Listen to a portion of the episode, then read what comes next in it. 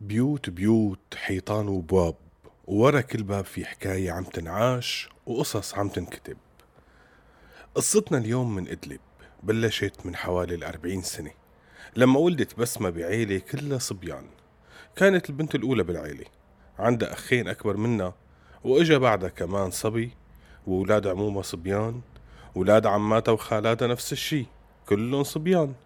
وهيك كانت بسمة بالعيلة ما عندها ولا رفيقة. بس كمان ما كان عندها ولا رفيق مع إنه كل صبيان العيلة من عمرها ليش؟ هذا يلي حخبركن إياه بحكاية اليوم. فرستقولنا قعدتكن لنبدأ حلقة جديدة من حكواتي سوريالي. القصة مو قصة والحكاية مو حكاية. حكايتنا من الواقع أبدا مو رواية. نحنا عشناها بتفاصيلها المخبأة أبو فاكر بيحكيها من البداية للنهاية. عيلة بسمة كانت عيلة متعصبة شوي. أو بصراحة متعصبة كتير. من لما بيكونوا عمر الولادة ثلاث سنين مو مسموح للبنات يلعبوا مع الصبيان. ويا ويلو يا ويلو يلي بيخل بهالقوانين. وبما أنه بسمة هي البنت الوحيدة اللي بالعيلة فربيت بمعزل عن الأطفال. كانت دائما تتمنى تنزل مع الولاد على الحارة تلعب طابة معهم. بس كانت تحسه حلم مستحيل إنه يتحقق. كانت تشتهي تركض تنط تلعب تلعب معهم تحكي معهم يتسابقوا يتخانقوا يتصالحوا. كانت دائما عندها فضول لتعرف شو عم يحكوا شو عم يعملوا. بس مستحيل تقدر تعرف. لما صار عمر بسمة سبع سنين وبعيد الفطر سنتها ومثل ما بتعرفوا أخواتي بكل عيد من الأعياد بتدرج لعبة بالسوق كل الولاد بيشتروا منها. بهداك الوقت وبهداك العيد كانت موضة لعبة السيف والترس وما ضل ولد بالحارة ولا برات الحارة إلا واشترى منها الحقيقة والله ما بعرف شو الفكرة من إنه السيف يكون لعبة للأولاد أو الفرد أو البارودة أو كل الأسلحة اللي عملوها على شكل ألعاب. وللأسف أغلب العائلات ما كانوا يعطوا الموضوع اهتمام يعني ويمكن بصراحة ما زالوا لحد الآن ما بيعطوا الموضوع أي اهتمام. إنه يعني أولاد واشتهوا جبنا لهم إياها وخلصت القصة. لعبة. المهم إخواتي هاللعبة كانت آخذة عقول كل الأولاد بوقتها صبيان وبنات. بس بعيلة بسمة كمان كان الوضع مختلف. بسمة تمنت كتير تشتري لعبة السيف. ترجت أبوها جربت تقنعه إنه تشتري من عيديتها اللي مخباية مع أمها. بس كان الرفض هو الجواب الوحيد لأنه هي لعبة صبيان. طلبت من أخوها يشتري لها إياها بالسر. ما رضي وقال لها بشكيكي للبابا. وأكيد ما استرجت تطلب من أولاد عمها ولا عماتها ولا أخوالها لأنه صارت متأكدة إنه الوضع ما حيكون أنظم. أبوها كل عيد بيشتري لها لعبة مطبخ كم صحن كم فنجان أو لعبة مكواية أو ماكينة خياطة أو لعبة بيبي. كانت هي نظرته واعتقاده. البنت بتتسلى بالمطبخ وبشغل البيت وبالاهتمام بالأولاد. لازم تكون هي لعبتها وهي طفلة. وهي شغلتها بس تكبر وبسمة ما بتحب هاللعبة. أو بالأحرى جربتها فترة وصار عندها ملل منها بس ما كان عندها خيار تاني. نقابل ناس نفارق ناس وماشية الحياة عادي حال الدنيا بيتغير ما بين الثانية والتانية هنعمل إيه؟ وده جارح وده مجروح وده عايش على الماضي وأحوالنا دي بتحير ولو نرضى تحللنا بنزعل ليه؟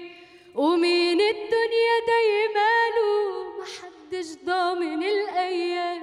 يا بخت اللي رضي بحاله وفرق بين حلال وحرام. سؤال وإجابته عارفينها في يوم ما نسيبها واخدين إيه؟ مادام سايبينها سايبينها.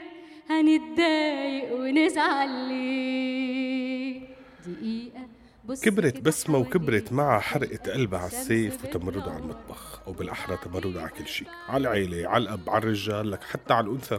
الأنثى يلي بنظرها إن هي ضعيفة كونها ما حملت سيف. كانت بتكره الكل. بقلبها في ضعف كبير ممزوج بقوة كبيرة. هي القوة المدفونة يلي ما كانت بتعرف إمتى رح يجي اليوم وتنفجر. بسمة ما كانت مصدقة إنه اليوم بالرغم من إنه بعيد إلا إنه إجا.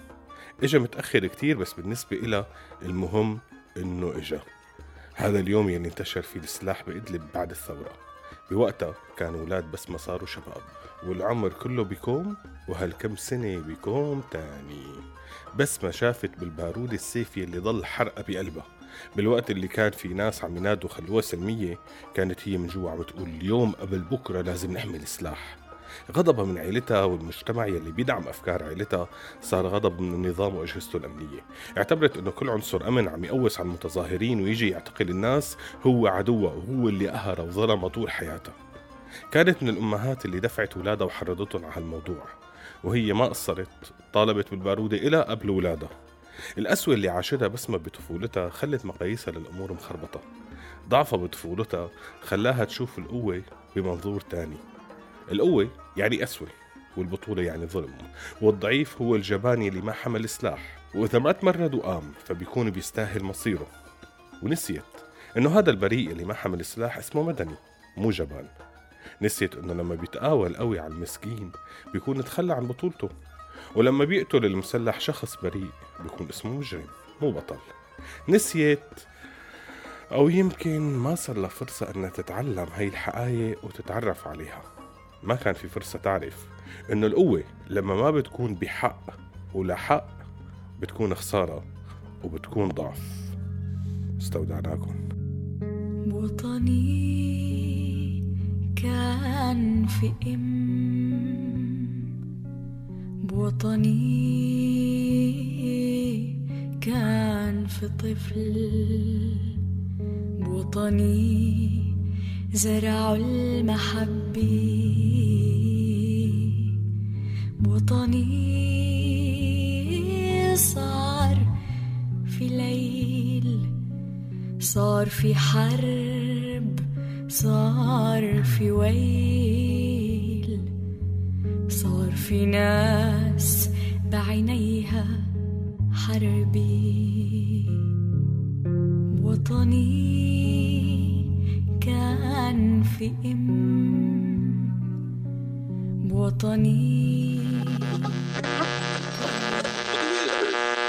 هذا البرنامج من إنتاج راديو سوريالي 2018 عم تسمعوا راديو سوريالي.